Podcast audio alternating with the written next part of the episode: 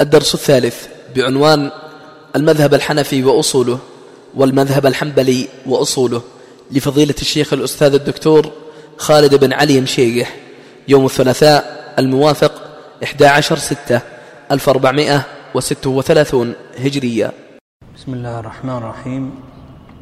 إن الحمد لله نحمده ونستعينه ونستغفره ونعوذ بالله من شرور أنفسنا ومن سيئات أعمالنا.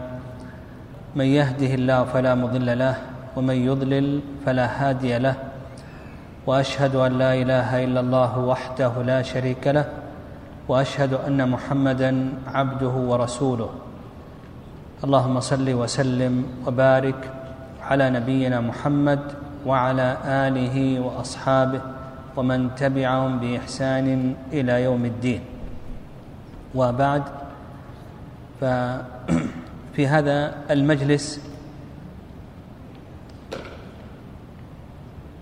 سنتعرض إلى دراسة مختصرة لمذهب الإمام أبي حنيفة رحمه الله تعالى وكيف تكون هذا المذهب وكيف الوصول إلى ما استقر عليه المذهب عند علمائه. بمعنى طالب العلم والباحث إذا أراد أن يحرر مذهب أبي حنيفة رحمه الله تعالى فكيف يصل إلى ما استقر عند علمائه أنه هو المذهب المنسوب إلى الحنفية؟ كما أننا أيضا سنشير إلى شيء من أصول مذهب الإمام أبي حنيفة رحمه الله تعالى. و جمعت أو جئت ببعض الأوراق لأنني سأذكر كثيرا من التواريخ. وقد لا تسعف الحافظة في ضبط هذه التواريخ. اولا ما هو المذهب؟ المذهب في اللغة هو مكان الذهاب وزمانه. وأما في الاصطلاح إذا قيل مذهب في الاصطلاح اصطلاح العلماء رحمهم الله تعالى فهو ما اختص به المجتهد من الأحكام الشرعية. ما اختص به المجتهد من الأحكام الشرعية الفرعية. ومذهب الحنفية هو عبارة عن آراء أبي حنيفة رحمه الله تعالى وأصحابه المجتهدين في المسائل الشرعية الفرعية. يقول مذهب أبي حنيفة رحمه الله هو عبارة عن آراء أبي حنيفة وأصحابه المجتهدين في المسائل الفرعية العملية. أبو حنيفة رحمه الله تعالى لم يكتب كتابا في مذهبه يبين فيه آراءه الفقهية وقبل ذلك أبو حنيفة رحمه الله تعالى ولد سنة ثمانين اسمها النعمان بن ثابت ولد رحمه الله تعالى سنة ثمانين للهجرة. وتوفي رحمه الله تعالى سنة خمسين ومائة للهجرة. توفي في السنة التي ولد فيها الشافعي رحمه الله تعالى. فأبو حنيفة توفي في ذلك العام. والشافعي ولد رحمه الله تعالى في ذلك العام. ومن مزايا أبي حنيفة رحمه الله وخصاله الحميدة وله خصال ومناقب ومزايا إلى آخره. ذكرها أصحابه رحمهم الله تعالى وغيرهم من العلماء. من ذلك قول الشافعي رحمه الله تعالى الناس عيال على أبي حنيفة في الفقه.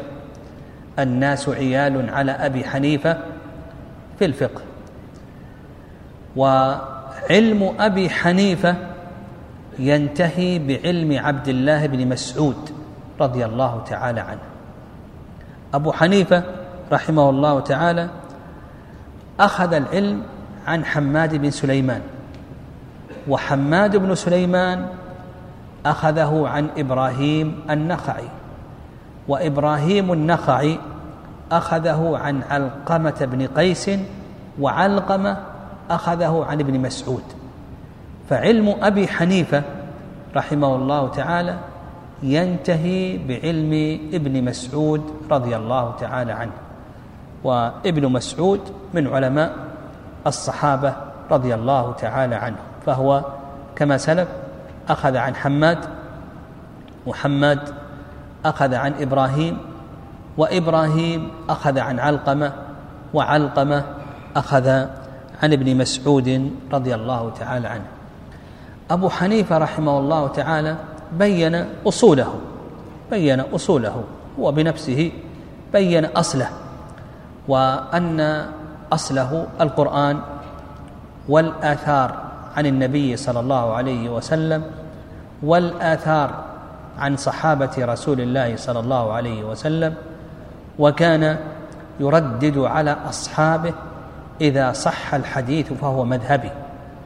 فأصوله القرآن والسنة وآثار الصحابة رضي الله تعالى عنهم ويأخذ كذلك أيضا بالقياس والاستحسان آه، رحمه الله تعالى.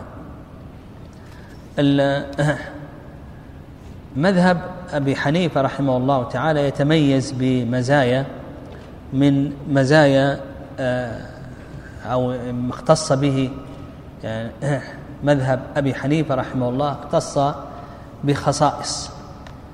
منها أولا التشدد في قبول في قبول أخبار الآحاد. وذلك أن الوضع وضع الحديث كثر في عهد أبي حنيفة رحمه الله تعالى فكان يتشدد في قبول أحاديث الأحد الخصيصة الثانية التوسع في القياس والاستحسان. الخصيصة الثالثة الأخذ بالحيل الفقهية. الأخذ بالحيل الفقهية وليس المراد بالحيل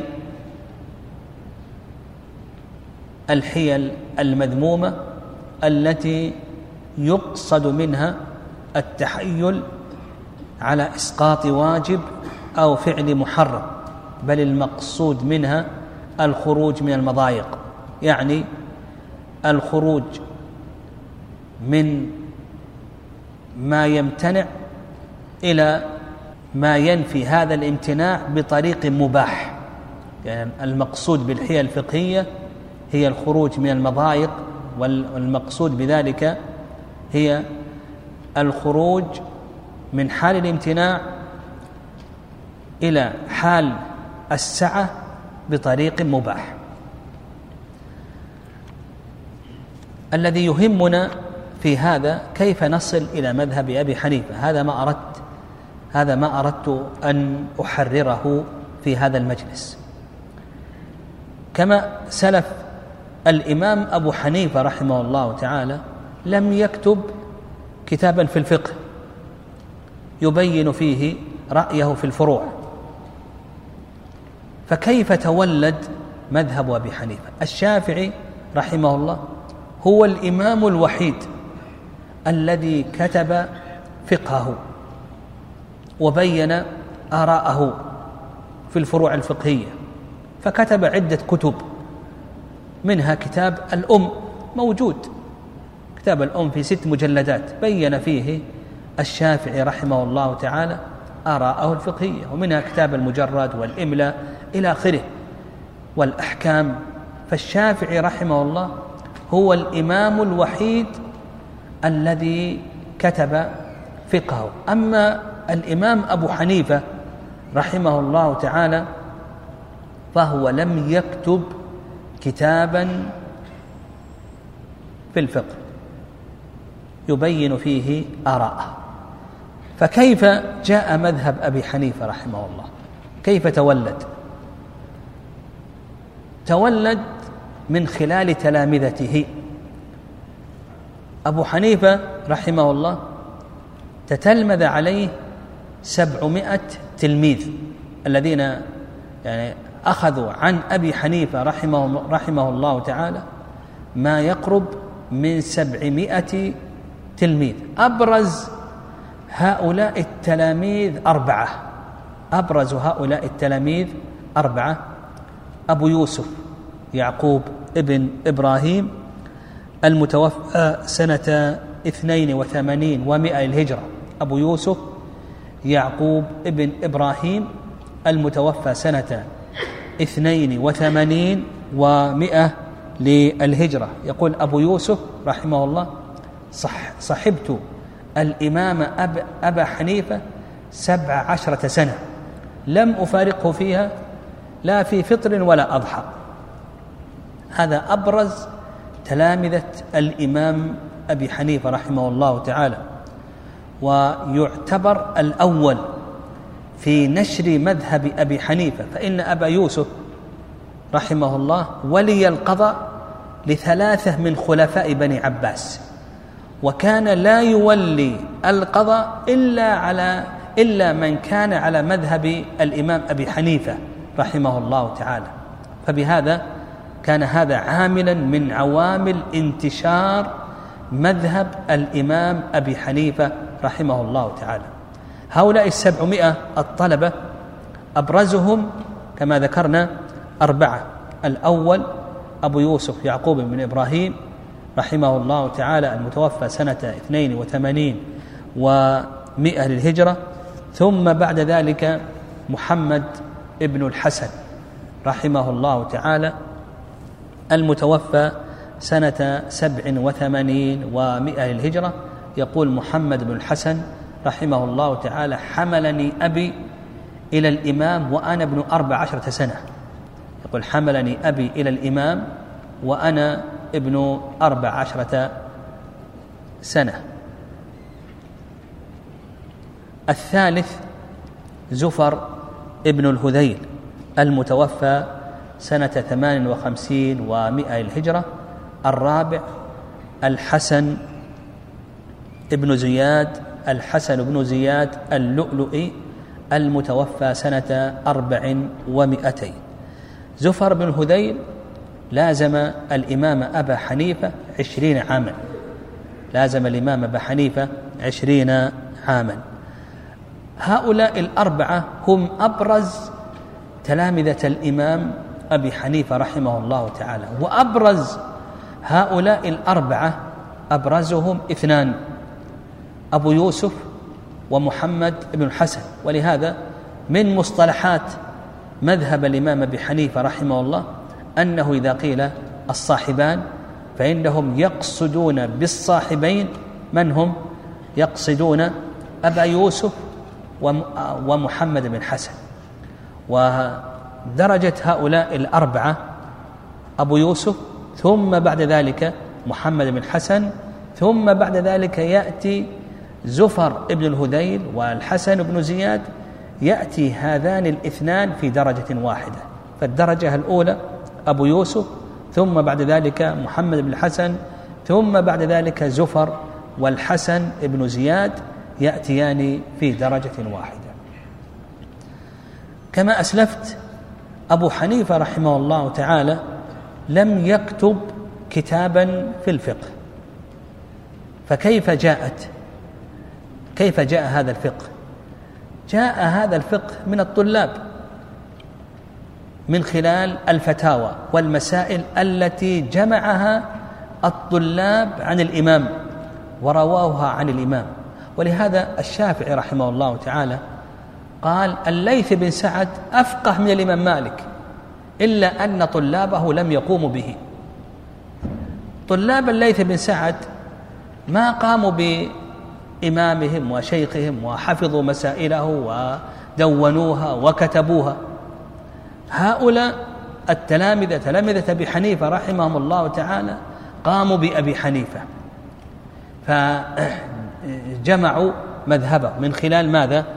من خلال الفتاوى التي يفتي بها ومن خلال من خلال آرائه لأنهم هم تلامذته هم الملازمون له يعرفون آراءه في المسائل كتبوا آراءه كتبوا أجوبته إلى آخره فهنا تولد. يعتبر محمد بن الحسن رحمه الله تعالى نعم يعتبر محمد بن الحسن رحمه الله تعالى الأول في جمع مذهب أبي حنيفة. كما سلفنا أسلفنا أن تلامذة الإمام أبرزهم من؟ أبو يوسف ثم بعد ذلك محمد بن الحسن محمد بن الحسن يعتبر الأول في الفضل في جمع مذهب الإمام أبي حنيفة رحمه الله تعالى. فقام قام محمد بن حسن بتدوين مذهب أبي حنيفة في كتب يسميها الحنفية كتب ظاهر الرواية. ولهذا إذا وجدت في عبارات الحنفية ظاهر الرواية فهم يقصدون بذلك كتب محمد بن الحسن. هذه الكتب ضمنها محمد بن حسن رحمه الله تعالى أراء الإمام. وكذلك أيضا أراء أبي يوسف. هو أخذ عن أبي يوسف. وأيضا آه، آه، ما يراه أيضا هو. وهذه الكتب نعم هذه الكتب يسميها الحنفية بكتب ظاهر الرواية. وكتب ظاهر الرواية عند الحنفية ستة كتب ستة كتب. المبسوط ويسمونه الأصل. الجامع الكبير الجامع الصغير السير الكبير السير الصغير الزيادات. هذه الكتب كتبها محمد بن حسن رحمه الله تعالى. هنا تكون مذهب أبي حنيفة رحمه الله تعالى. كل من جاء من الحنفية بعد هذه الكتب التي دونها محمد بن حسن فهو عيال على هذه الكتب. محمد بن حسن دون في هذه الكتب الستة آراء الإمام. وفتاويه فتكون مذهب الإمام أبي حنيفة رحمه الله. كل من جاء بعد محمد بن الحسن فهو عيال على هذه الكتب الستة. ال ال قلنا إن الذي كتب فقهه من الأئمة من هو؟ الشافعي هو الذي كتب فقهه. الأئمة الثلاثة أبو حنيفة مالك أحمد لم يكتبوا كتابا مستقلا في الفقه في الفروع. لكن أتباعهم وطلبتهم هم الذين دونوا فقههم. فعندك محمد بن الحسن عند من؟ ها؟ عند الحنفية. كتب مسائل الإمام وفتاويه في هذه الكتب كتب. كتب ظاهر الرواية كتب الستة. ابن أبي زيد القيرواني أيضا جمع مذهب الإمام مالك. الإمام مالك رحمه الله له كتابات عن الموطأ إلى آخره له بعض الكتابات إلى آخره لكن ليس له كتاب مستقل في الفروع. جاء ابن أبي زيد القيرواني رحمه الله تعالى وجمع مذهب الإمام مالك رحمه الله تعالى جمع المدونات الأربع المالكية عندهم. أربع كتب يسمونها بالمدونات. مدونة سحنون الواضحة المستخرجة العتبية. هذه المدونة ضمنت فتاوى الإمام مالك رحمه الله تعالى ومسائله يعني آراءه الفقهية وفتاواه. ضمنت آراءه الفقهية وفتاواه. جاء ابن أبي زيد القيرواني رحمه الله تعالى وجمع هذه المدونات الأربع في كتاب كبير اسمه النوادر والزيادات. وبهذا يكون قدم مذهب الإمام مالك رحمه الله تعالى حيث أنه ضمن هذا الكتاب الكبير عنده النوادر والزيادات. هذا ضمنه فتاوى الإمام وأراءه الفقهية. مثل ذلك أيضا الخلال عند الحنابلة. الإمام أحمد رحمه الله ما كتب كتابا في الفقه وكان يكره كتابة المسائل. لكن التلامذة الذين سألوه كانوا يسألونه ويسجلون الفتاوى. مسائل أحمد لعبد الله يعني سؤالات أحمد آه، لعبد الله ابنه عبد الله ابنه صالح حنبل إسحاق الكوسج آه، ابن هانئ آه، إبراهيم الحربي إلى آخره. لهم مسائل عن الإمام أحمد. جاء الخلال رحمه الله تعالى وجمع هذه المسائل في كتاب كبير يقال بأنه مئة مجلد اسمه الجامع لمسائل الإمام أحمد. وبهذا تكون مذهب الإمام أحمد رحمه الله تعالى. فهناك ثلاثة من العلماء لهم فضل كبير في جمع مذاهب الأئمة. الأول محمد بن الحسن عند الحنفية الثاني ابن أبي زيد القيرواني عند المالكية الثالث أبو بكر الخلال عند الحنابلة رحمهم الله تعالى. هنا لما كتب محمد بن حسن رحمه الله تعالى كتب ظاهر الرواية وضمنها فتاوى الإمام أبي حنيفة وأجوبته وأراءه الفقهية من جاء بعد محمد بن الحسن استقى واستمد من هذه الكتب. فأنا سأذكر الآن تسلسل المذهب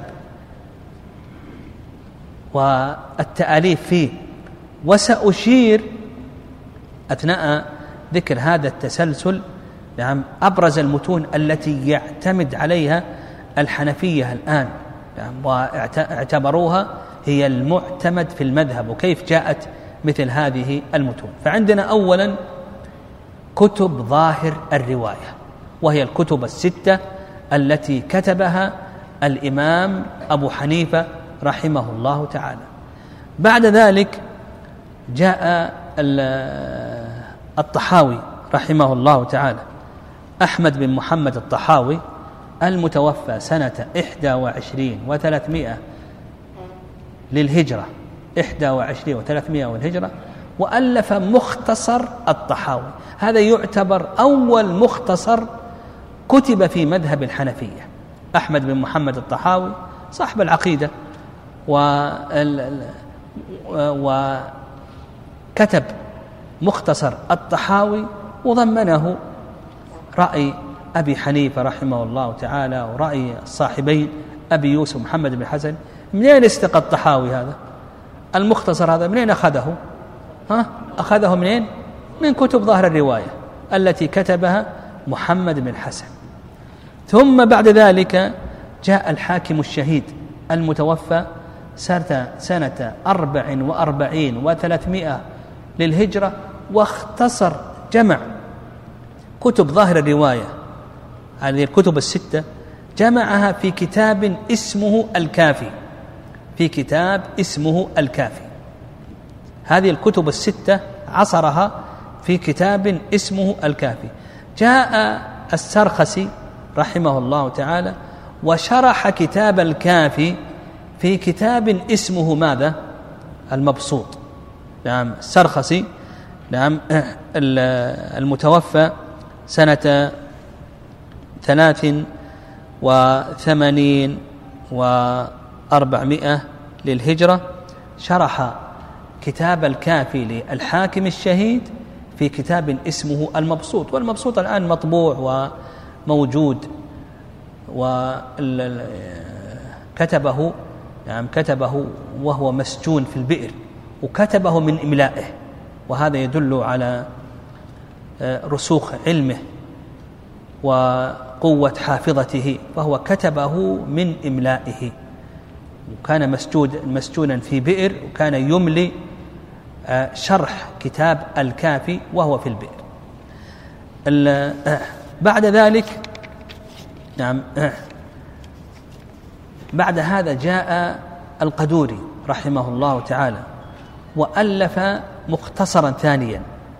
قدوري متوفى سنة ثمان وعشرين وأربعمائة للهجرة ألف مختصرا اسمه مختصر القدوري.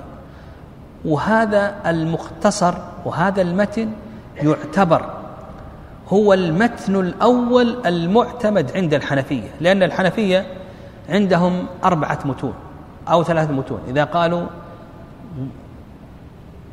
في المتون أو جاء في المتون فهم يقصدون يقصدون أربعة المتون أو الثلاثة مع زيادة المختار كما سيأتي.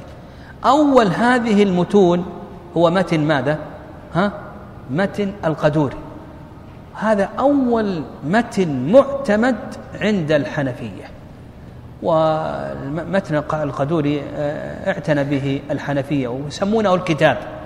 يعني إذا قالوا الكتاب فإنهم يقصدون بذلك متن القدوري. كما أن المالكية إذا قالوا الكتاب يقصدون بذلك مدونة سحنون أو المصحف أو آه، نعم آه، المصحف أو الكتاب يقصدون بذلك مدونة سحنون. الحنفية إذا قالوا الكتاب فإنهم يقصدون بذلك متن القدوري ومتن القدوري هذا يعتبر هو المتن الأول المعتمد عند الحنفية وكما أسلفت لا بد أن نفهم هذه المتون الأربعة.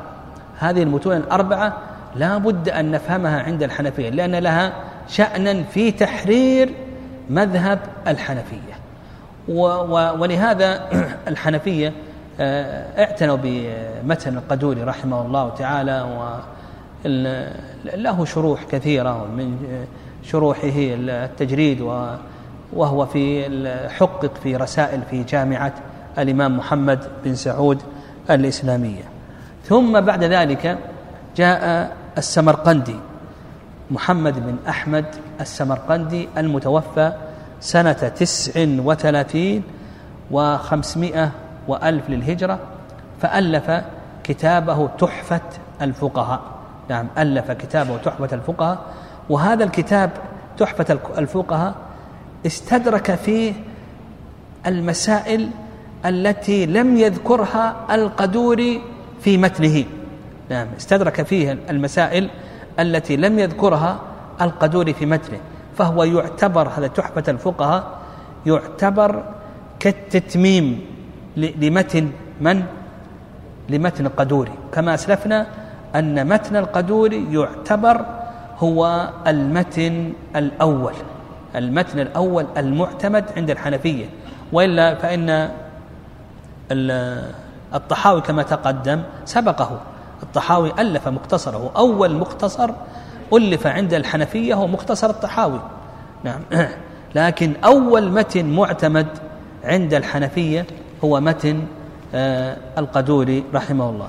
السمرقندي رحمه الله كما سلف ألف آه، كتابه تحفة الفقهاء الذي يعتبر كالتتميم. لمتن القدوري. جاء الكاساني رحمه الله تعالى فشرح تحفة الفقهاء في كتاب اسمه ماذا؟ بدائع الصنائع. وهذا الكتاب على اسمه. أبدع فيه مؤلفه. أبدع فيه مؤلفه من حيث الترتيب والتنظيم والتنسيق. فهو يأتيك يأتي للباب مثلا مثلا بالكتاب الصيام.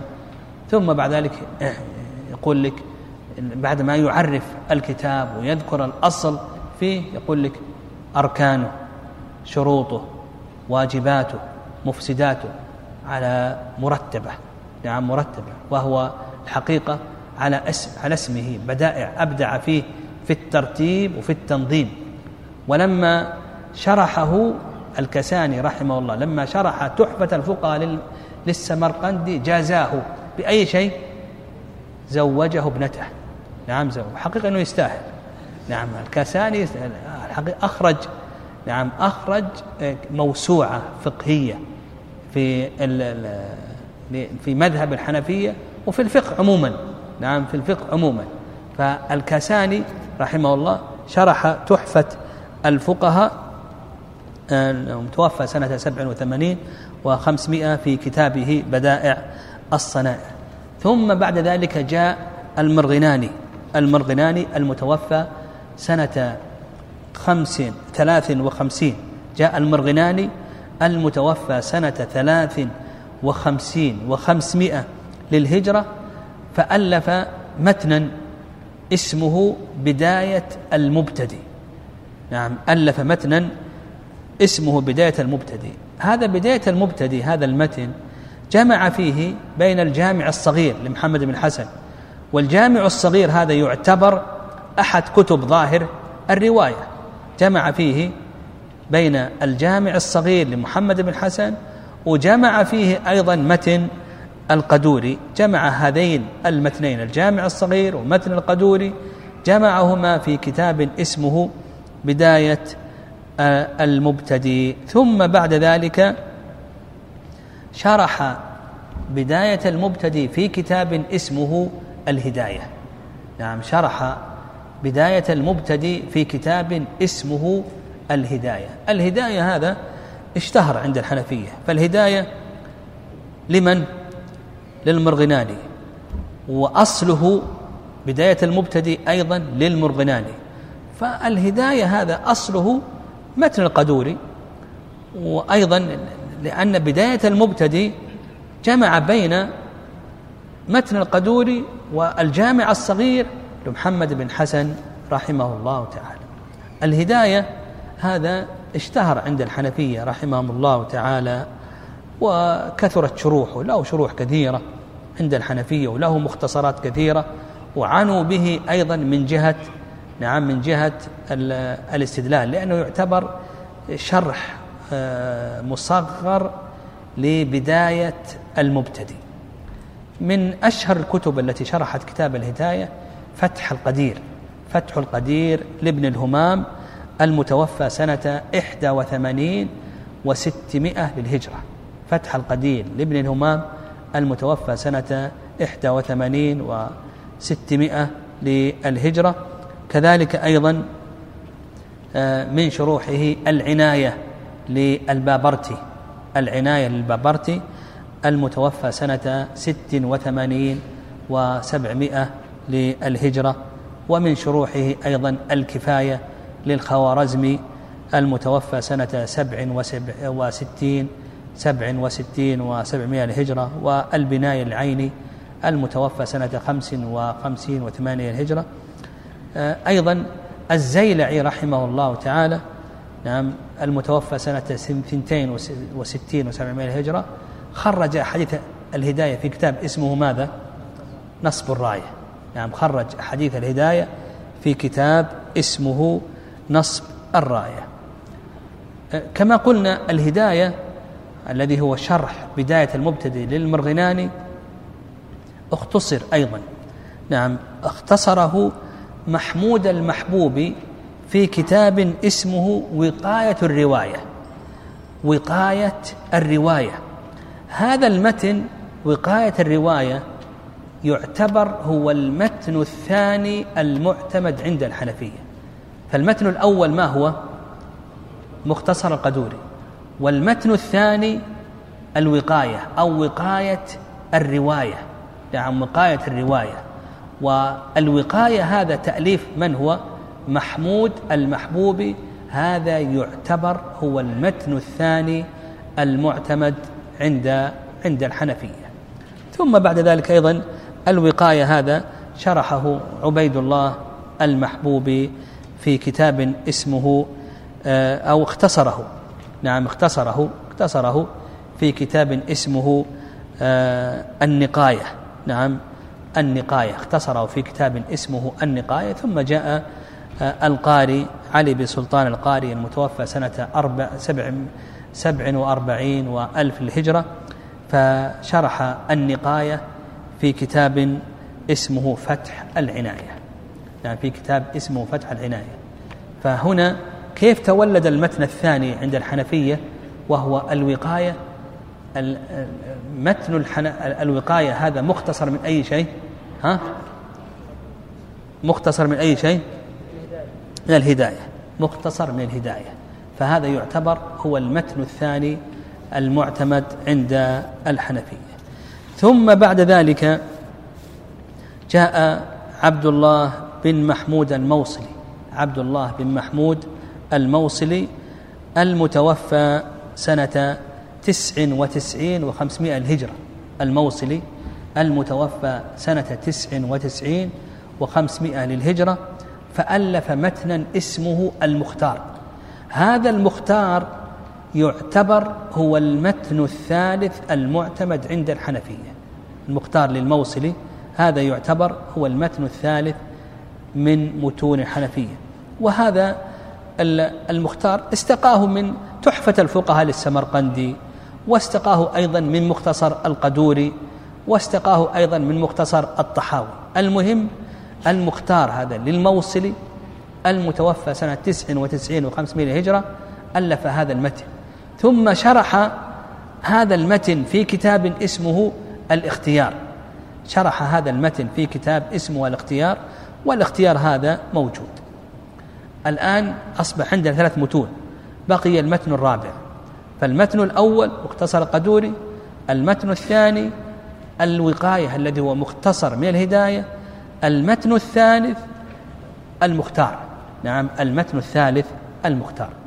طيب ثم بعد ذلك جاء النسفي رحمه الله المتوفى سنة عشر وسبعمائة للهجرة فألف كتابه الوافي ألف كتابه الوافي جمع فيه بين الجامع الصغير لمحمد بن حسن الجامع الكبير لمحمد بن الحسن الزيادات لمحمد بن حسن مختصر قدوري. الوافي هذا جمع فيه الجامع الصغير الجامع الكبير الزيادات مختصر القدوري.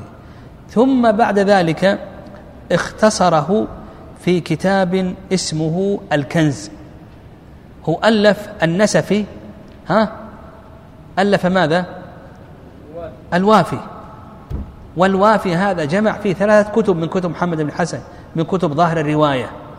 الجامع الكبير الجامع الصغير الزيادات ومختصر قدوري ثم النسفي رحمه الله اختصر الوافي في كتاب اسمه الكنز. هذا هو المتن الرابع. كنز الدقائق. هذا هو المتن الرابع. فأصبحت المتون عند الحنفية المعتمدة أربعة متون. الأول مختصر القدوري الثاني الوقاية وذكرنا أن الوقاية مختصر من الهداية. الثالث ماذا؟ المختار للموصلي. الرابع الكنز. نعم الذي هو مختصر من الوافي والكنز. والوافي كلاهما للنسفي الكنز والوافي كلاهما للنسفي هذا الكنز معتمد عند الحنفي ولذلك شرح. نعم من شروحه تبيين الحقائق للزيلعي. المتوفى سنة 43 و700 الهجرة أيضا من أشهر شروحه وأهمها البحر الرائق. البحر الرائق لابن نجيم رحمه الله تعالى هو مطبوع. نعم البحر الرائق لابن نجيم. شرح فيه كنز الدقائق.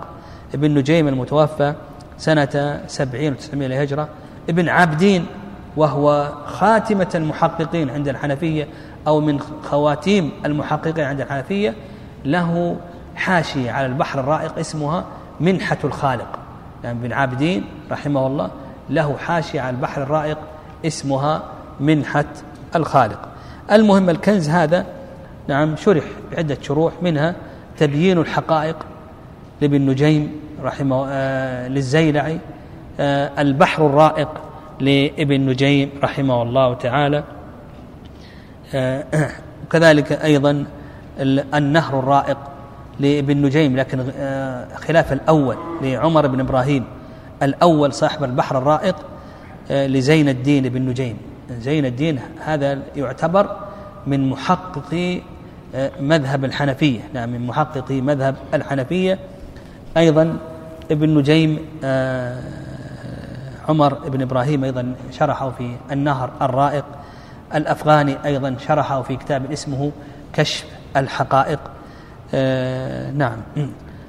آه، ثم بعد ذلك يعني جاء إبراهيم الحلبي رحمه الله تعالى المتوفى سنة ست وخمسين وتسعمائة للهجرة. سنة ست وخمسين وتسعمائة للهجرة. فألف ملتقى الأبحر. ملتقى الأبحر جمع فيه المتون الأربعة. يعني ملتقى الأبحر جمع فيه المتون الأربعة. ما هي المتون الأربعة؟ مختصر قدوري الغاء الوقاية المختار الكنز. جمع هذه المتون الأربعة في كتاب اسمه ملتقى الأبحر. جاء آه، عبد الرحمن مداد أفندي وشرح ملتقى الأبحر في كتاب اسمه مجمع الأنهر. نعم مجمع الأنهر. مجمع الأنهر مطبوع وموجود.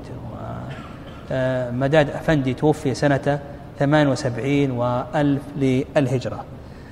آه، في الأخير جاء التمرتاشي تمرتاشي المتوفى سنة آه، ألف وأربع الهجرة محمد بن عبد الله التمرتاشي ألف متنا اسمه تنوير الأبصار ثم شرحه الحصكفي آه، في كتاب اسمه الدر المختار.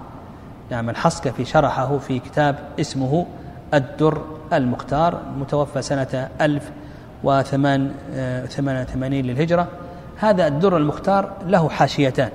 نعم الدر المختار له حاشيتان حاشية للطحطحاوي وحاشية لابن عبدين المهم من هاتين الحاشيتين هي حاشية ابن عابدين لأن ابن عابدين يعتبر من كبار علماء الحنفية. ومن محققيهم. يعني من محققيهم فهو كتب حاشية على البحر الرائق لابن نجيم وكتب أيضا حاشية على الدر المختار اسمها حاشية رد المحتار. والدر المختار ما هو؟ شرح ماذا؟ تنوير الأبصار. نعم الدر المختار هذا شرح تنوير الأبصار. وكما ذكرنا الدر المختار له حاشيتان. الأولى حاشية الطحطحاوي آه، المتوفى سنة إحدى وثلاثين ومائتين وألف الهجرة والثانية حاشية ابن عبدين المتوفى سنة اثنتين وخمسين ومائتين وألف للهجرة. هكذا الآن الآن عرفنا كيف حصل التسلسل في مذهب الحنفية وكيف تولد مذهب الحنفية وكيف تمكن الآن كيف نعرف المعتمد عند الحنفية؟ عندهم قاعدة الحنفية قاعدة. المعتمد ما في المتون. إذا قالوا المتون الأربعة أو المتون الثلاثة المتون الثلاثة ما عدا المختار. ما هي؟ مختصر قدوري الوقاية الكنز. إذا قالوا المتون الثلاثة يقصدون به هذه المتون. إذا قالوا المتون الأربعة تضيف ماذا؟ المختار. فإذا أردت أن تعرف مذهب الحنفية يقولون المعتمد على ما في المتون المتون الأربعة. ثم بعد ثم بعد ذلك الشروح. يعني المعتمد ما في المتون إلا إذا خالف الشراح. إذا خالف الشراح فالمعتمد ما في الشروح. هذه المتون كما تقدم لها شروح. هذه المتون لها شروح. فهي هي المعتمدة في مذهب الحنفية إلا إذا خالف الشراح ما في المتون فالمعتمد ما في الشرح الشراح. نعم. هذا هذا من حيث الجملة. هذه القاعدة المعتمدة عند الحنفية في تحرير مذهب الحنفية وعندهم يعني ال ال يعني عندهم ضوابط أخرى. يقولون إذا اتفق الأئمة الثلاثة أبو حنيفة ومحمد بن الحسن أبو حنيفة وأبو يوسف ومحمد بن الحسن فهو المذهب. إذا اتفقوا فهو المذهب. إذا اختلفوا قدم قول الإمام إلا لضرورة. نعم قدم قول الإمام إلا لضرورة. إذا لم يوجد للإمام قول المقدم رأي أبي يوسف ثم محمد بن الحسن. ثم بعد ذلك آه، زفر والحسن في درجة واحدة. فإذا اتفق الثلاثة هذا هو المذهب. إذا اختلفوا قدم قول أبي حنيفة. هذا من حيث الجملة. هذا من حيث الجملة. إذا لم يكن للإمام رأي فأبو يوسف مقدم على محمد بن حسن. ومحمد بن حسن مقدم على زفر والحسن. والحسن بن زياد. زفر والحسن بن زياد في درجة واحدة. كما أن من ضوابطهم يقولون يقدم قول أبي حنيفة في العبادات ويقدم قول أبي يوسف في القضاء ويقدم قول محمد بن حسن في توريث ذوي الأرحام. هكذا نعرف نعم هكذا نعرف تحرير مذهب الحنفية. إذا أردت أن تعرف تعرف أدلة الحنفية فاذهب إلى إعلاء السنن.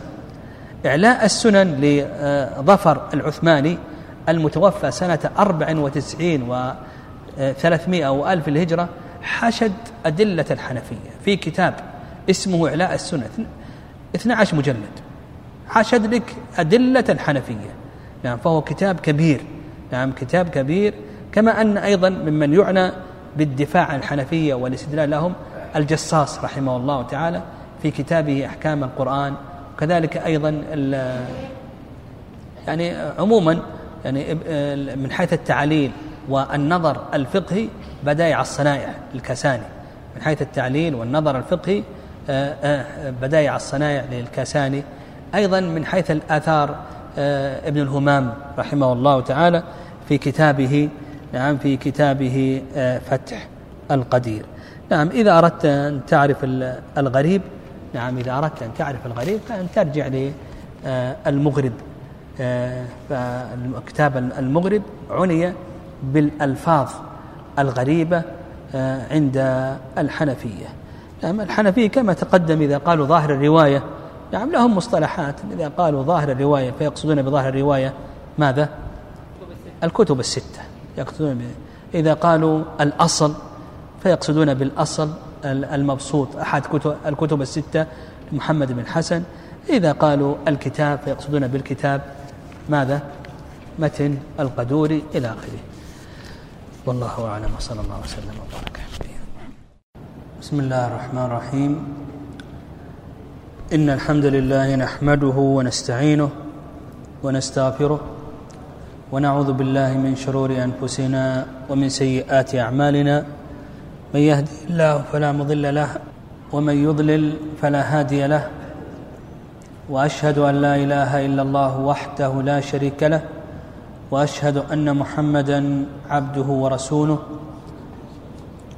اللهم اجعل اجتماعنا اجتماعا مرحوما وتفرقنا من بعده تفرقا معصوما ولا تجعل فينا ولا منا شقيا ولا محروما.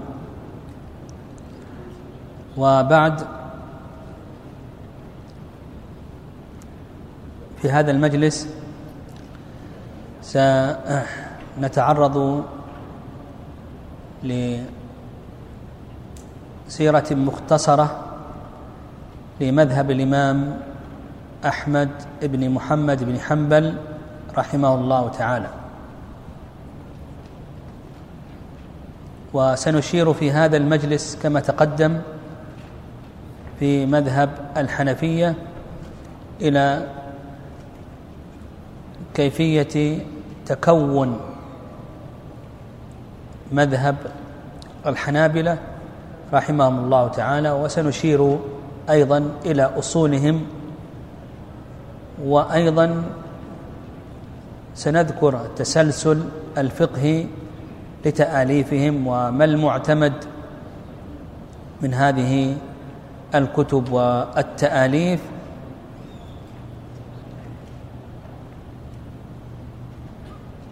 وكيف الوصول لتحرير مذهب الإمام أحمد بن حنبل رحمه الله تعالى. كما سلف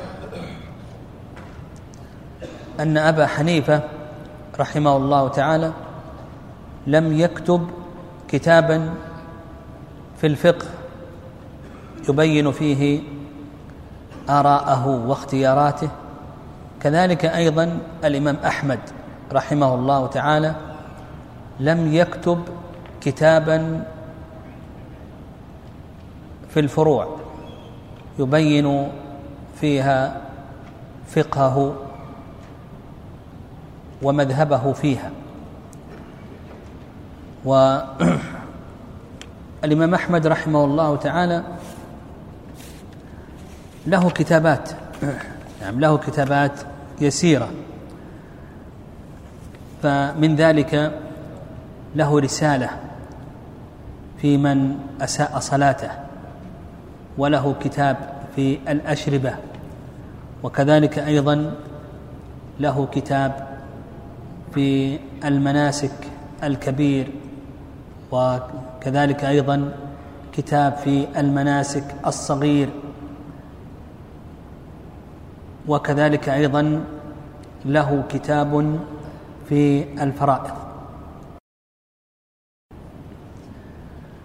ولد رحمه الله تعالى سنة أربع وستين ومائة للهجرة وتوفي رحمه الله تعالى في بغداد محموما سنة إحدى وأربعين ومائتين للهجرة.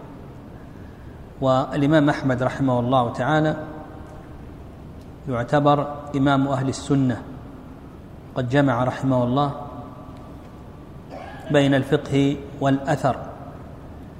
وقال الشافعي رحمه الله تعالى ما رأيت أفقه ولا أورع من أحمد بن حنبل.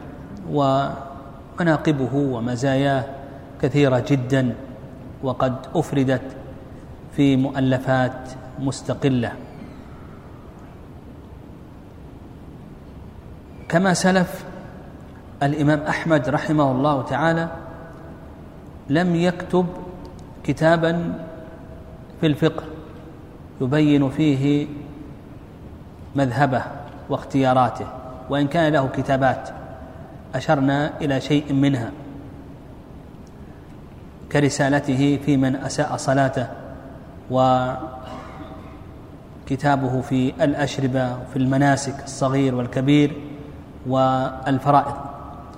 بل كان الإمام أحمد رحمه الله يكره كتابة المسائل لكي يعنى بكتابة حديث رسول الله صلى الله عليه وسلم. وذكر ابن الجوزي رحمه الله قال وكان ينهى يقول ابن الجوزي رحمه الله تعالى وكان ينهى عن كتابة كلامه. فنظر الله تعالى إلى حسن قصده فنقلت ألفاظه وحفظت. فقل أن تقع مسألة في الأصول أو في الفروع إلا وله فيها رأي. يقول ابن الجوزي رحمه الله تعالى كان ينهى الناس عن كتابة كلامه. فنظر الله تعالى إلى حسن قصده فنقلت ألفاظه وحفظت فقل أن تقع مسألة في الأصول والفروع إلا وله فيها رأي. الإمام أحمد رحمه الله له تلامذة كثيرون وتكون مذهب الإمام أحمد رحمه الله تعالى بواسطة تلامذته كما تقدم أن أبا حنيفة رحمه الله تعالى تكون مذهبه بواسطة تلامذته وممن خدمه تدوينا محمد بن الحسن رحمه الله تعالى في كتبه كتب ظاهر الرواية. الإمام أحمد رحمه الله له تلامذة كثيرون كتبوا عنه واخذوا ودونوا. وهذه الكتابات تعرف بالمسائل عن الإمام أحمد. وهناك مسائل عبد الله لابنه عبد الله. دون فيها أجوبة الإمام أحمد رحمه الله في بعض المسائل. مسائل صالح ابنه صالح. مسائل إسحاق النيسابوري. مسائل أبي داود صاحب السنن مسائل حنبل مسائل الكوسج إلى آخره. هذه المسائل وغيرها هي التي كتبت عن الإمام. فهؤلاء الطلبة والتلامذة كتبوا عن الإمام ما سمعوه منه في هذه المسائل من أجوبة واختيارات. جاء الخلال رحمه الله تعالى أبو بكر الخلال فجمع هذه المسائل وطاف البلاد طاف البلاد وجمع أجوبة الإمام أحمد رحمه الله.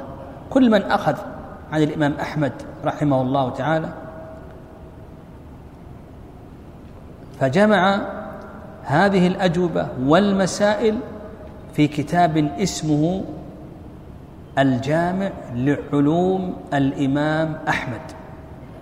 والخلال توفي رحمه الله سنة إحدى عشرة وثلاثمائة للهجرة.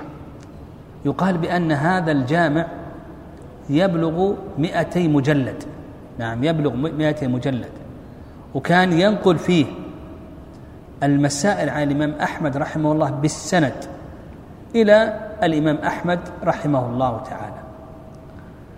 من جاء من الحنابلة فهو عالة على كتاب الخلال رحمه الله تعالى. الحنابلة رحمهم الله تعالى فيهم عالمان جمع المذهب. الأول في المتقدمين الخلال أبو بكر الخلال. بكر الخلال رحمه الله كما تقدم جمع مسائل الإمام أحمد رحمه الله في هذا الكتاب الكبير الجامع لعلوم الإمام أحمد. الثاني المرداوي علي بن سليمان المرداوي. جمع صحح وحرر مذهب الإمام أحمد رحمه الله في كتاب كبير اسمه الإنصاف في معرفة الراجح من الخلاف. وهذا سيأتينا إن شاء الله الإشارة إليه. هذا استقاه المرداوي رحمه الله تعالى استقى كتاب الإنصاف مما يقرب من 140 كتابا في الفقه الحنبلي. وجمع هذا الكتاب وحرر مذهب الحنابلة رحمهم الله تعالى في كتاب الإنصاف وهو كتاب كبير.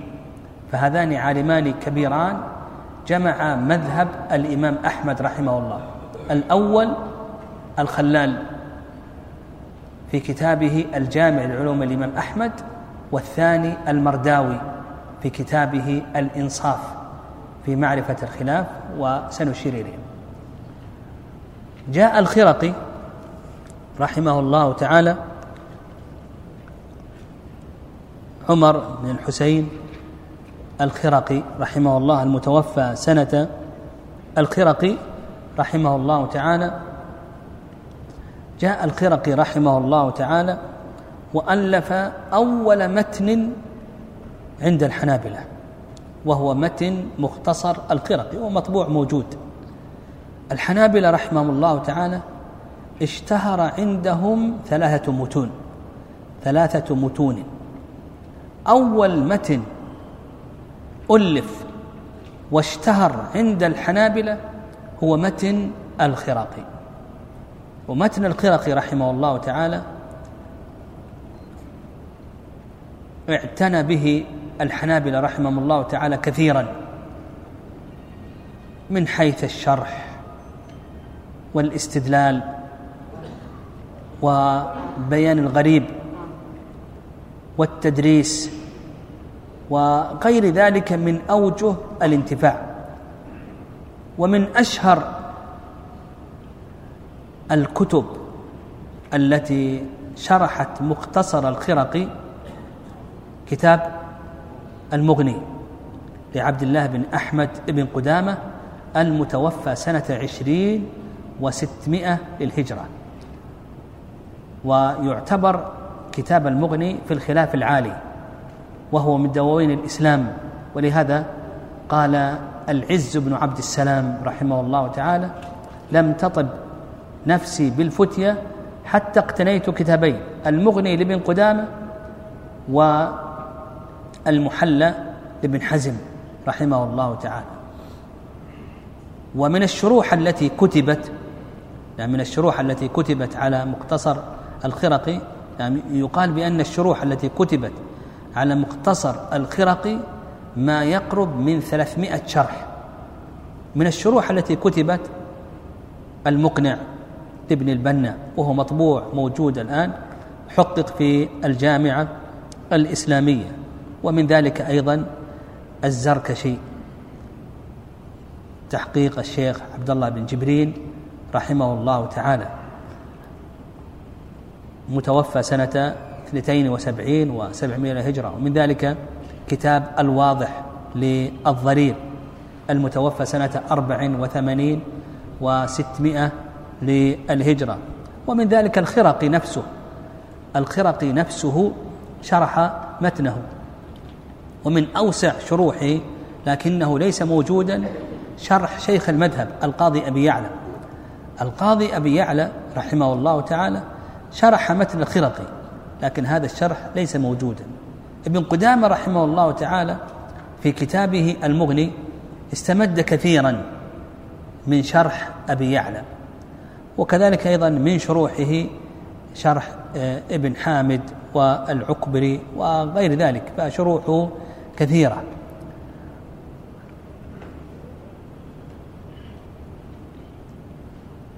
فمتن القرقي يعتبر هو المتن الأول عند الحنابلة رحمهم الله تعالى. والخرقي رحمه الله آه، سمي بهذا الاسم نسبة للبيع الخرق وكان معتقده سليما معتقد أهل السنة والجماعة. ولهذا لما ظهر سب الصحابة رضي الله تعالى عنهم في العراق خرج من العراق آه، في بغداد. خرج من بغداد وجعل كتبه في سرداب فتلفت كتبه إلا هذا المختصر. وبارك الله عز وجل فيه. كما ذكرنا من أعظم دواوين الإسلام التي كتبت على هذا المختصر كتاب المغني لابن قدامة رحمه الله تعالى. جاء بعد الخرقي جاء الخطابي رحمه الله تعالى. أبو الخطاب نعم جاء أبو الخطاب محفوظ ابن أحمد الكلوذاني محفوظ بن أحمد الكلوذاني. أبو الخطاب محفوظ محفوظ, محفوظ أحمد الكلوذاني المتوفى سنة عشر وخمسمائة للهجرة فألف كتابه الهداية متن. وهذا المتن يعني هناك عدة متون ألفت في مذهب الحنابلة لكن كما سلف الذي اشتهر من هذه المتون ثلاثة كما سيأتينا. المتن الأول سلف وهو متن الخرقي رحمه الله تعالى. أبو الخطاب رحمه الله ألف كتابه الهداية وأبو الخطاب يعتبر من تلامذة أبي يعلى فهو استمد كتاب الهداية من كتابات أبي يعلى رحمه الله تعالى القاضي أبي يعلى رحمه الله تعالى.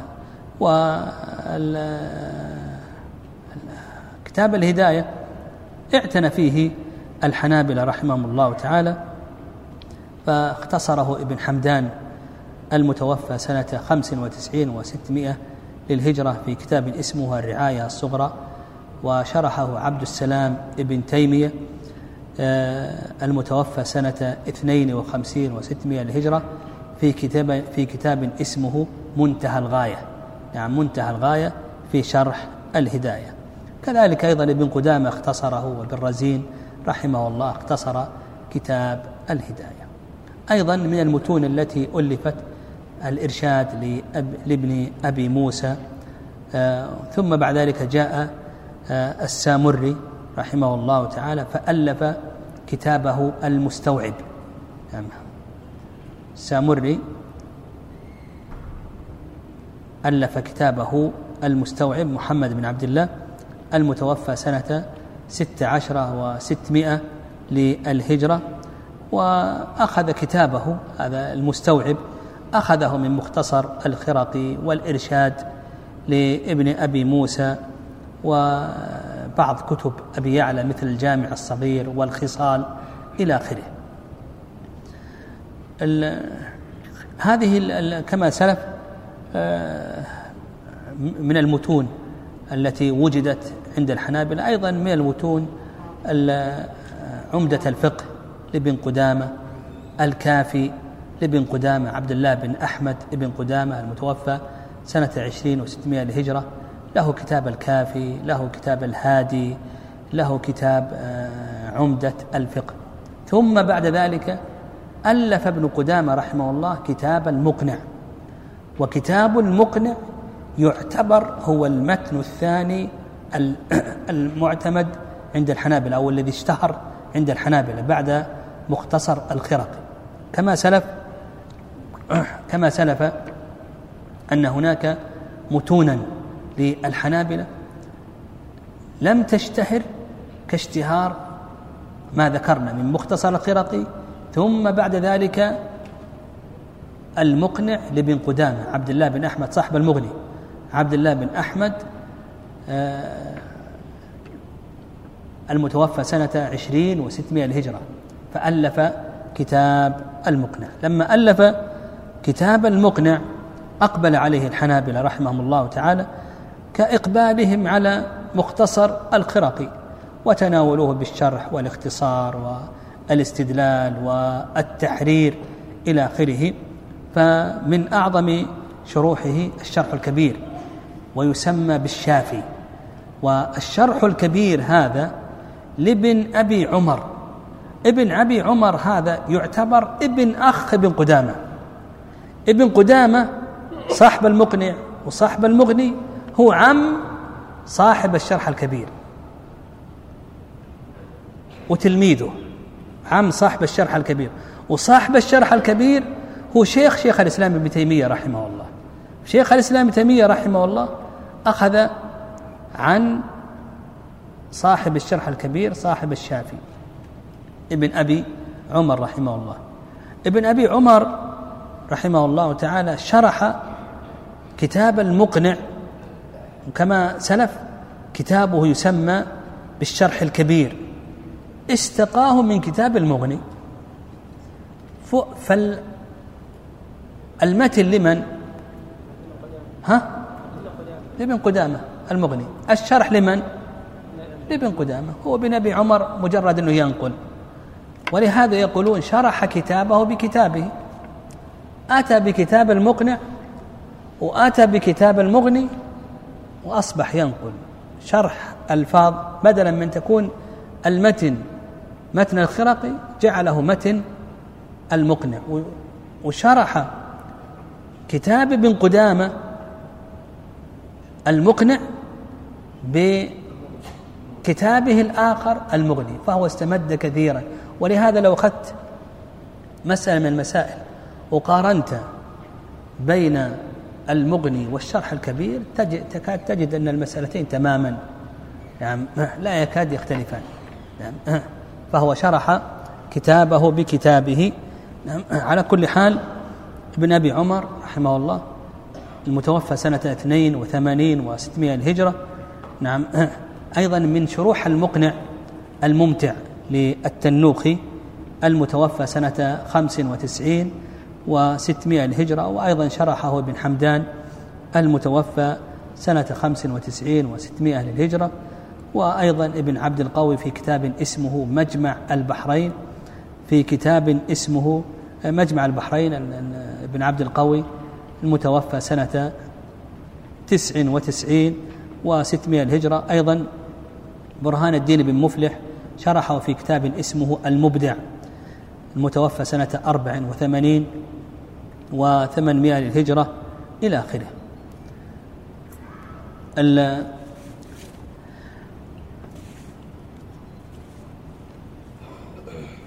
من أهم الكتب التي كتبت على كتاب المقنع ما كتبه المرداوي رحمه الله علي بن سليمان المرداوي المتوفى سنة خمس وثمانين وثمانمائة للهجرة. كتب كتاب الإنصاف. كتاب الإنصاف هذا يعتبر كتاب كبير في مذهب الحنابلة رحمهم الله تعالى. الإنصاف تحرير وتصحيح لمذهب الحنابلة. ويقال بأنه حرر في مذهب الحنابلة ما يقرب من ثلاثة ألاف مسألة من ثلاثة ألاف مسألة. يأتي إلى اللفظ من ألفاظ المقنع. مثلا يقول لك صاحب المقنع ابن قدامة باب صلاة الجماعة وتجب صلاة الجماعة. وش يعمل المرداوي رحمه الله؟ يقول لك هذا هو المذهب تجب صلاة الجماعة. يعني خلاص حرر لك ما ذكره ابن قدامة. قال لك هذا هو المذهب. أو هذا هو الصحيح في المذهب. ثم بعد ذلك يذكر الروايات عن الإمام أحمد.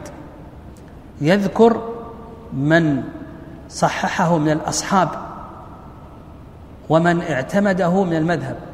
ثم بعد ذلك يذكر إذا كان هناك فيه رواية أخرى مخالفة لهذا. إذا كان هناك أوجه عن كبار علماء المذهب يذكرها. يذكر التفاريع. إذا كان هناك تفاريع يذكر اختيارات شيخ الإسلام تيمية رحمه الله.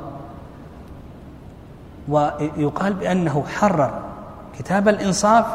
هذا كتاب الإنصاف جمعه من 140 كتابا. فهو تحرير وتصحيح لمذهب الإمام أحمد رحمه الله. وحشد فيه الروايات عن الإمام أحمد. بما لا تكاد تجد في أي كتاب. حشد الروايات وحشد الأوجه وحشد التفاريح فهو كتاب كبير كتاب كبير. يعني الباحث في مذهب الإمام أحمد رحمه الله لا بد أن يكون عنده مثل هذا الكتاب. فيعتبر تحرير وتصحيح لمذهب الحنابلة رحمهم الله تعالى سلك فيه طريقة ابن عجلون ابن قاضي عجلون في تصحيحه للمنهاج نعم يعني للمنهاج للنووي متن المنهاج عند الشافعية معتمد. وجاء ابن عجلون ابن قاضي بن عجلون وصحح وحرر مذهب الشافعية من خلال متن المنهاج. المرداوي رحمه الله تعالى سلك طريقة ابن قاضي عجلون في تحريره وتصحيحه لمذهب الحنابلة. ثم بعد ذلك ابن قاضي المرداوي لما ألف كتاب ماذا؟ ها؟ الإنصاف. اختصره في كتاب اسمه التنقيح. أحسنت. اختصره في كتاب اسمه التنقيح. جاء ابن النجار. ابن النجار أحمد ابن عبد العزيز ابن النجار المصري وألف المتن الثالث المعتمد عند الحنابلة وهو منتهى الإرادات. وش عمل ابن النجار هو هذا؟ أخذ المقنع وأخذ التنقيح. التنقيح ما هو؟ ها؟ مختصر الإنصاف. أخذ المقنع وأخذ التنقيح وجمع بين المقنع والتنقيح في كتاب اسمه منتهى الإرادات في الجمع بين المقنع والتنقيح وزيادات التنقيح هذا مختصر الإنصاف زبدة الإنصاف. والمقنع يعتبر هو المتن الثاني عند الحنابلة. جمع بينهما وفق ابن النجار وجمع بينهما في كتاب اسمه منتهى الإرادات في الجمع بين المقنع والتنقيح وزيادات هذا المتن يعتبر نعم يعتبر هو المتن الثالث المعتمد عند الحنفية عند الحنابلة. نعم يعتبر يعتبر هو المتن الثالث عند الحنابلة. وسنشير إن شاء الله إلى شيء من ذلك. متن المنتهى الإرادات له شروح. يعني اعتنى فيه العلماء رحمهم الله تعالى. الشرح من حيث الشرح والاختصار. والاعتماد في الفتيا والقضاء إلى آخره. من شروحه نفس ابن النجار شرحه في كتاب اسمه شرح منتهى آه، شرح المنتهى. هو كتاب مطبوع الآن طبع الآن. شرح ابن النجار نفسه شرحه. أيضا شيخ المذهب من المتأخرين الشيخ منصور البهوتي رحمه الله تعالى المتوفى سنة ألف وخمسين للهجرة آه، شرح متن منتهى الإرادات في كتاب اسمه شرح منتهى الإرادات وكذلك أيضا شرحه ابن العماد ابن العماد رحمه الله شرحه في كتاب اسمه آه، آه، بغية أولي النهى المتوفى سنة تسع وثمانين وألف للهجرة. وأيضا منتهى الإرادات عليه حواشي كثيرة لأنه معتمد هو المعتمد آه، هو هو المتن الثالث المعتمد عند الحنابلة. آه، حاشية عثمان النجدي حاشية الخلوتي. الخلوتي هذا تلميذ البهوتي. نعم. البهوتي نعم منصور بن يونس البهوتي له حاشية على منتهى الإرادات تلميذه الخلوتي له حاشية على منتهى الإرادات تلميذ الخلوة عثمان النجدي له حاشية على منتهى الإرادات تلميذ عثمان النجدي آه، عوض آه، بن عوض له حاشية على منتهى الإرادات فالشيخ وتلميذه الخلوتي تلميذ عثمان النجدي وتلميذ عثمان النجدي أيضا ابن عوض كلهم لهم حواش على منتهى الإرادات هذا مما يدل على أهمية هذا المتن. جاء مرعي رحمه الله تعالى مرعي الكرمي آه، المتوفى سنة ألف وثلاث وثلاث وثلاثين للهجرة واختصر منتهى الإرادات في كتاب اسمه ها؟ دليل الطالب اختصره في دليل الطالب. جاء محمد بن سالم بن ضويان المتوفى سنة ثلاث وخمسين وثلاثمائة وألف الهجرة وشرح دليل الطالب في كتاب اسمه منار السبيل. جاء الشيخ الألباني رحمه الله تعالى وخرج أحاديث منار السبيل في كتاب اسمه إرواء الغليل. إرواء الغليل. فعندك المنتهى اختصره مرعي في دليل الطالب شرحه ابن ضويان في منار السبيل الشيخ الألباني رحمه الله خرج أحاديث منار السبيل في كتاب اسمه إرواء الغلي أيضا من المتون من المتون المعتمدة عند الحنابلة متن الإقناع لموسى بن أحمد الحجاوي والحجاوي رحمه الله تعالى المتوفى سنة 68 وتسعمائة للهجرة له آه، مختصر. مختصر للمقنع. اسمه ماذا؟ زاد المستقنع مشهور. الحجاوي رحمه الله تعالى اختصر المقنع الذي يعتبر المتن الثاني المشتهر عند الحنابلة اختصر المقنع في كتاب اسمه زاد المستقنع. وزاد المستقنع مع دليل الطالب من المتون آه، التي عني فيها آه، المتأخرون بالتدريس آه، للطلبة زاد المستقنع له شروح من من أشهر شروحه الروض المربع للبهوتي رحمه الله تعالى ومن شروحه شرح شيخنا ابن عثيمين رحمه الله تعالى الشرح الممتع وله حواش كثيرة. آه، العنقري رحمه الله له حاشية أبا بطين له حاشية آه، ابن فيروز له حاشية إلى آخره. هؤلاء كلهم لهم حواش على آه، زاد المستقنع. كما أن الشيخ صاحب ليه رحمه الله من علماء هذا البلد عني بالاستدلال لمسائل زاد المستقنع. كذلك أيضا نظم يعني النظم نظم آه، متن زاد المستقنع نظمه عدة علماء منهم الخالدي المتوفى سنة خمس وثلاثين ومائة وألف للهجرة وابن عتيق آه، المتوفى سنة تسع وأربعين وثلاثمائة وألف للهجرة وأيضا آه، مزيني رحمه الله سليمان بن عطية مزيني المتوفى سنة ثلاث وستين وثلاثمائة وألف الهجرة إلى آخره. كلهم نظموا زاد المستقنع. الحجاوي كما أنه ألف زاد المستقنع أيضا ألف متنا اسمه الإقناع.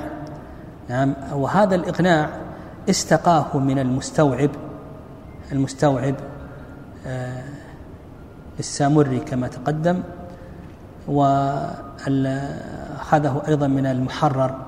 المحرر للمجد. جد شيخ الإسلام تيمية والفروع الفروع لابن مفلح. نعم ابن مفلح.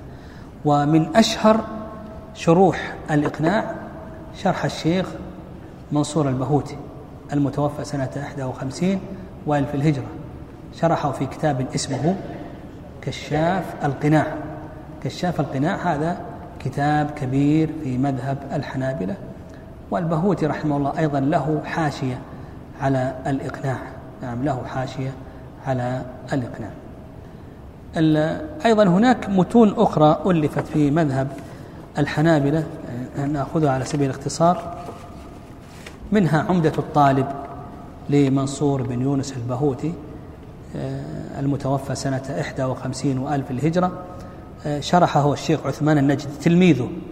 يعني الشيخ منصور تلميذه آه، عثمان النجدي شرح عمدة الطالب في كتاب اسمه هداية الراغب. أيضا من المتون التي كتبت في مذهب الحنابلة عند المتأخرين كافي المبتدي لابن بلبان. كافي المبتدي لابن بلبان. وأيضا ابن بلبان اختصر كافي المبتدي في كتاب اسمه أخصر المختصرات.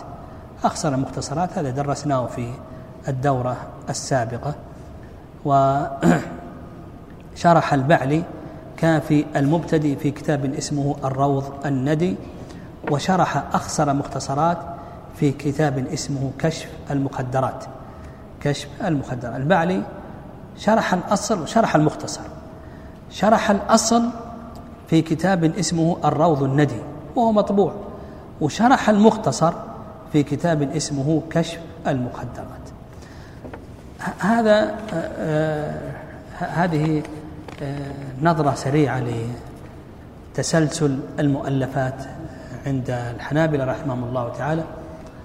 سبق أن أشرنا إلى أن الحنابلة اشتهر عندهم هذه المتون الثلاثة القرقي ثم متن المقنع ثم متن منتهى الإرادات. تحرير مذهب الحنابلة الحنابلة عندهم قاعدة كما أن الحنفية كما تقدم عندهم قاعدة أيضا الحنابلة عندهم قاعدة. يقولون المذهب على ما في المنتهى والإقناع. المنتهى لابن النجار ولا شك أن المنتهى كتاب كبير كما تقدم جمع بين التنقيح على زبدة الإنصاف وبين المقنع لابن قدامة. يقولون إذا والإقناع لموسى الحجاوي. موسى الحجاوي استقى كتاب الإقناع من المحرر للمجد والفروع لابن مفلح وكتاب المستوعب إلى آخره إذا اتفقا على مسألة فهي المذهب. يعني المنتهى والإقناع إذا اتفقا على مسألة فهي المذهب. يعني أنت إذا فتحت كتاب المنتهى تجده يقول مثلا صلاة الوتر سنة وفي الإقناع يقول صلاة الوتر سنة. فهذا هو المذهب. إن اختلف اختلف. في المنتهى قال صلاة الوتر سنة. في الإقناع قال صلاة الوتر مثلا واجبة. فالمرجح على ما في المنتهى. إن اتفق على مسألة اتفق على مسألة فهي المذهب. إن اختلف فأكثر الحنابلة على ترجيح ما في كتاب المنتهى. لابن النجار رحمه الله تعالى. وقال بعض العلماء إنك تنظر إلى ما يرجحه مرعي لأن مرعي له كتاب أيضا جمع فيه بين الإقناع والمنتهى اسمه غاية المنتهى. جمع فيه جمع بين الإقناع والمنتهى في كتاب اسمه غاية المنتهى. فأكثر الحنابلة على أنهم على أنه إذا اختلف فالمرجح على ماذا؟ ها؟ على المنتهى. وقيل ينظر إلى ما يرجحه صاحب غاية المنتهى. لكن الأكثر على أن المرجح على ما في المنتهى. وعلى هذا إذا أردت أنك تعرف المذهب انظر إلى هذين الكتابين. نعم. والشيخ البهوتي رحمه الله خدمك. البهوتي رحمه الله تعالى خدم. هو شرح كتاب الإقناع. في كتاب اسمه ماذا؟ كشاف القناع. إذا خالف الإقناع المنتهى بينه. البهوتي رحمه الله إذا خالف الإقناع الإقناع خالف المنتهى بين لك ذلك. نعم بين لك ذلك. ولهذا تجده الآن في الروض المربع اللي يقرأ في الروض المربع تجد أن الحجاوي صاحب الزاد الروض المربع شرح لزاد المستقنع. الحجاوي صاحب الزاد إذا خالف المذهب بينه كيف يبينه؟ قال لك وفي المنتهى كذا وكذا. يعني إن, إن كلام الحجاوي هنا يخالف ما في المنتهى. والمنتهى هو المعتمد. فالخلاصة في ذلك أنه إذا اتفق هذان الكتابان فهذا هو المذهب. إن اختلف فالمرجح على ما في المنتهى. وقيل بأنه ينظر إلى ما يرجحه صاحب غاية نعم صاحب غاية المنتهى. نعم وبهذا تستطيع أنك تحرر مذهب الحنابلة رحمهم الله تعالى. من حيث الاستدلال من حيث الاستدلال إذا أردت الأدلة فأنت ترجع إلى كتاب المغني كتاب الشرح الكبير. كتاب المغني يعتبر في الخلاف العالي وهو أحيانا ابن قدامة له اختيارات. لكن الغالب أنه يرجح ما ذهب إليه الإمام أحمد رحمه الله تعالى ويبين دليله يقول ولنا كذا وكذا يبين من يخالف من الأئمة كمالك الشافعي آه، الحسن البصري إلى آخره. ثم بعد ذلك آه، يبين دليل الحنابلة ثم يرجع إلى دليل المخالف ويقوم بمناقشته. فأنت إذا أردت الأدلة عندك الكتاب المغني الشرح الكبير أيضا آه، الانتصار لأبي الخطاب. هو ألف هذا الكتاب انتصارا لمذهب الإمام أحمد. الانتصار في المسائل نعم الانتصار في المسائل الكبار لأبي الخطاب رحمه الله تعالى. وأيضا يعني كشاف القناع من حيث النظر يعني من حيث التعليل يرجع إلى كشاف القناع.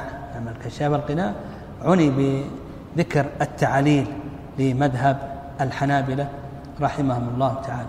إذا أراد